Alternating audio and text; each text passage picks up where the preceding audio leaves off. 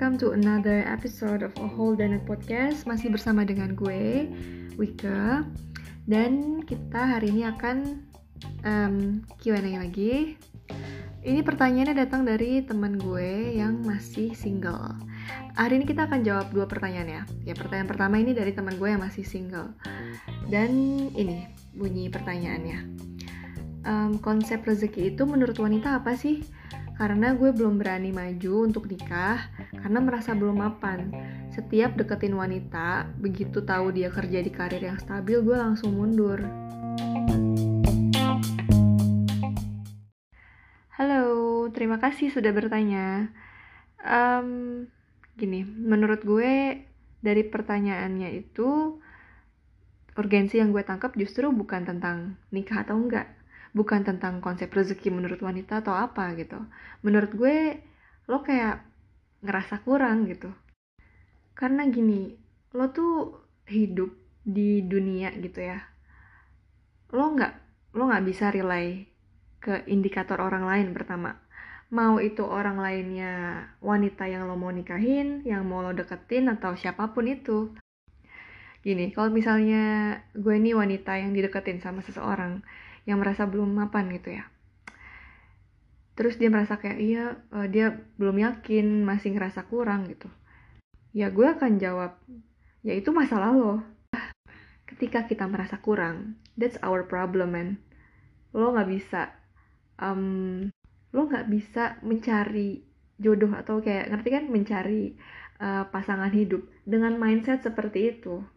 Itu itu artinya lo tuh belum selesai sama hidup lo lo belum selesai sama masalah lo sendiri sekarang justru malah mencari wanita dengan membawa masalah itu. Gue nggak ngerti kenapa lo melakukan itu sih. Karena misalnya nih ya taruhlah gaji kita UMR gitu.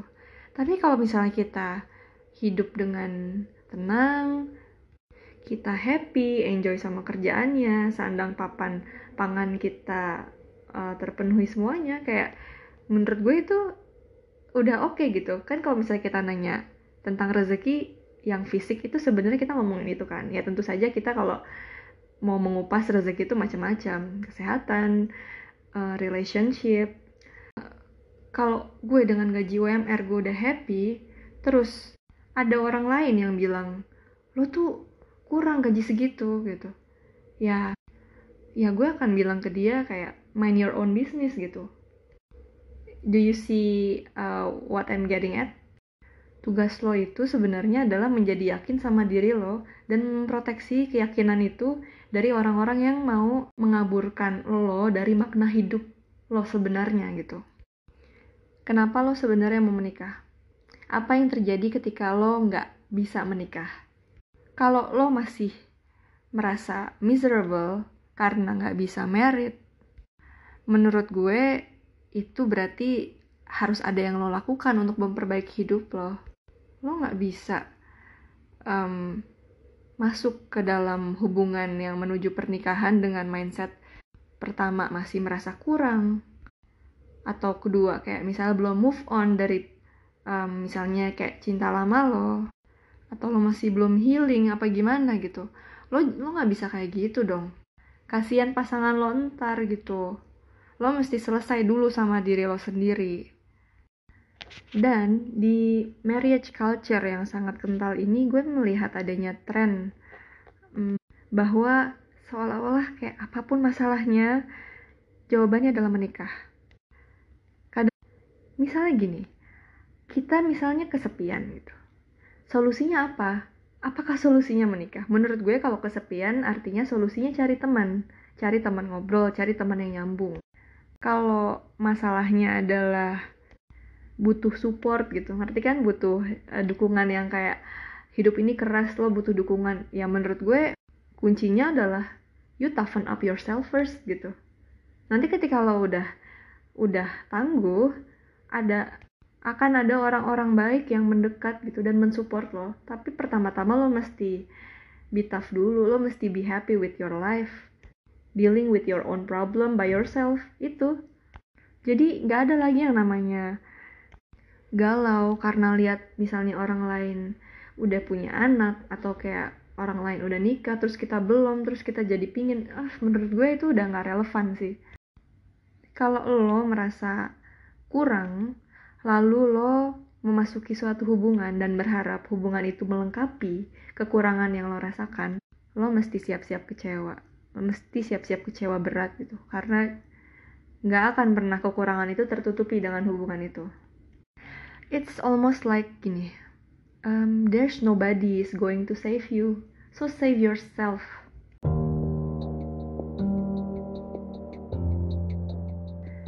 Jadi kapan sebenarnya kita mesti menikah? Kalau menurut gue ya pertama ketika kita bahagia ketika semua aspek dalam hidup kita sudah terpenuhi kita having fun with our life kita punya teman-teman yang uh, suportif lalu di tengah-tengah itu kita bertemu dengan seseorang yang um, dengan apa ya chemistry satu sama lain yang pas. Terus ketika kalian bersama-sama lo merasa apa ya lo merasa free lo merasa uh, bebas berkarya bebas berekspresi dan kebahagiaan lo yang tadinya udah bahagia jadi tambah bahagia lagi. Itu menurut gue ketika kalian menemukan orang seperti itu ya silahkan menikah. Go for it. Itu adalah momen yang tepat untuk menikah. Jadi tolong kalau misalnya ini gak cuma tentang rezeki ya. Misalnya kayak kalau lo udah mapan pun tapi lo masih belum healing dari hubungan-hubungan lo sebelumnya itu menurut gue lo belum siap nikah juga gitu. Ini perspektif gue karena ah penting banget sih buat healing. Lo you never know gitu apa luka-luka lo yang belum yang belum beres sebenarnya. Kadang tuh kadang misalnya kita lagi healing ya hubungan yang udah lima tahun tujuh tahun udah berlalu pun bisa muncul ke permukaan lagi ternyata diri kita masih sedih gitu masih belum selesai, belum tuntas grievingnya. Dan ini pesan untuk para cowok ya, karena yang uh, nanya pertanyaan ini teman gue yang cowok. Untuk kalian, tolong selesain diri dulu gitu. Selesain selesain dulu masalah di hidup lo.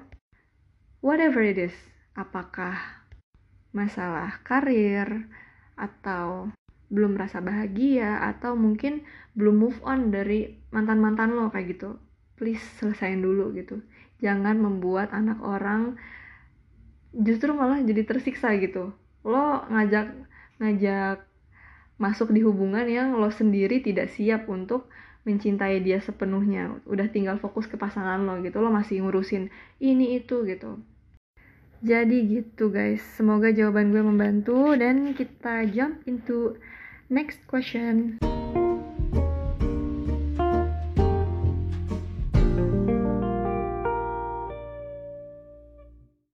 Oke, gue akan bacakan pertanyaan dari temen gue ya. Before and after making the decision, bagaimana eval evaluating self-worth as a mother, a daughter, a woman, and a human? Whose perspective matters? Family, parents, God, or our own? Thank you for asking. Oke, gue jawab ya. Sebelum gue memutuskan untuk bercerai, itu self worth gue mungkin lagi apa ya terjun bebas gitu gue selalu mementingkan apa kata orang tua, apa kata pasangan, apa kata society. Gue gak percaya sama intuisi, gue gak percaya sama suara hati gue sendiri. Dan karena di sepanjang hubungan gue merasa di push terus to the limit gitu. Dan gue mesti memutuskan untuk berpisah. Setelah mengambil keputusan untuk uh, berpisah itu, gue sedang di dalam state yang gue percaya sama hati gue gue sudah healing waktu itu jadi gue memutuskan itu memang setelah healing setelah gue bisa melihat kondisi apa yang terjadi sebenarnya di hubungan itu gitu. Gue bisa melihat dengan clear lah. Dan setelah memutuskan itu pasti tentunya pertama hitting rock bottom dulu gitu.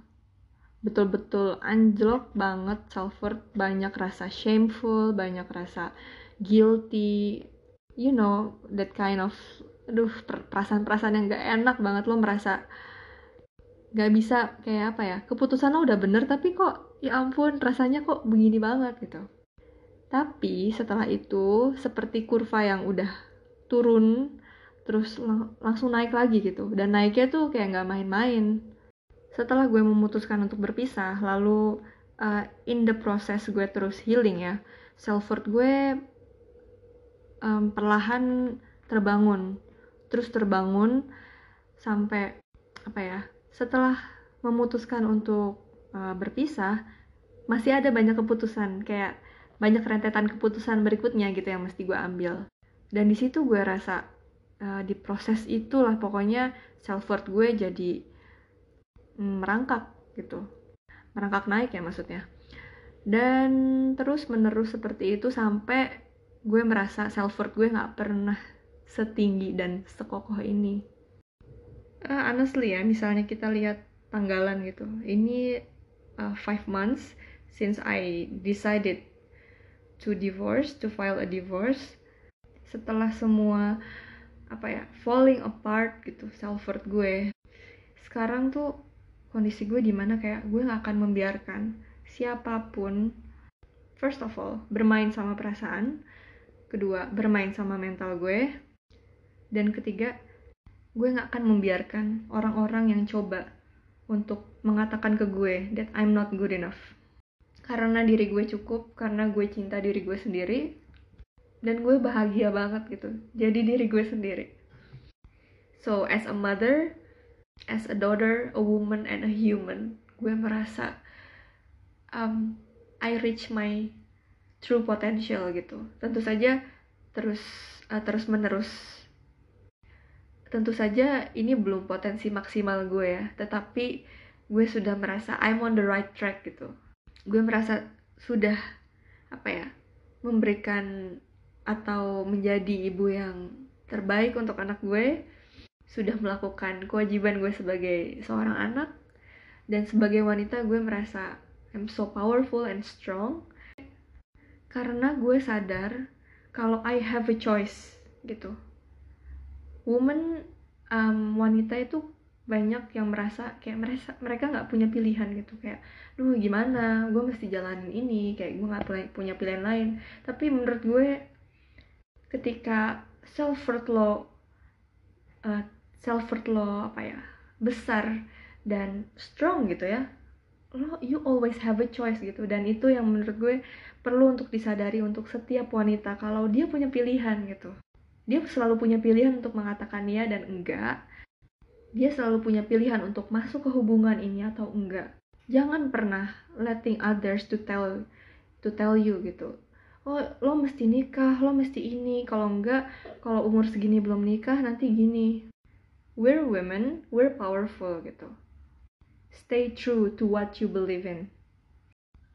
Lalu tadi pertanyaan yang terakhirnya itu whose perspective matters uh, perspektif. Menurut gue kita selalu bisa menggeser perspektif ya sesuai sama kebutuhan kita. Dan uh, apa ya mungkin mengira-ngira perspektif mana yang menguntungkan kita saat menghadapi suatu hal gitu. Tapi yang jelas gini aja sih um, gue gue selalu mendengarkan diri gue sendiri sih semenjak gue memutuskan untuk divorce.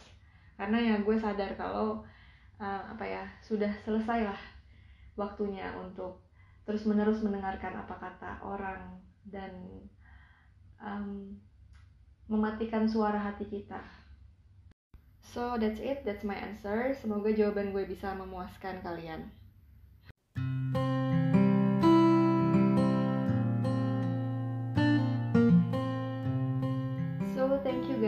For listening until the end. I hope you enjoy it.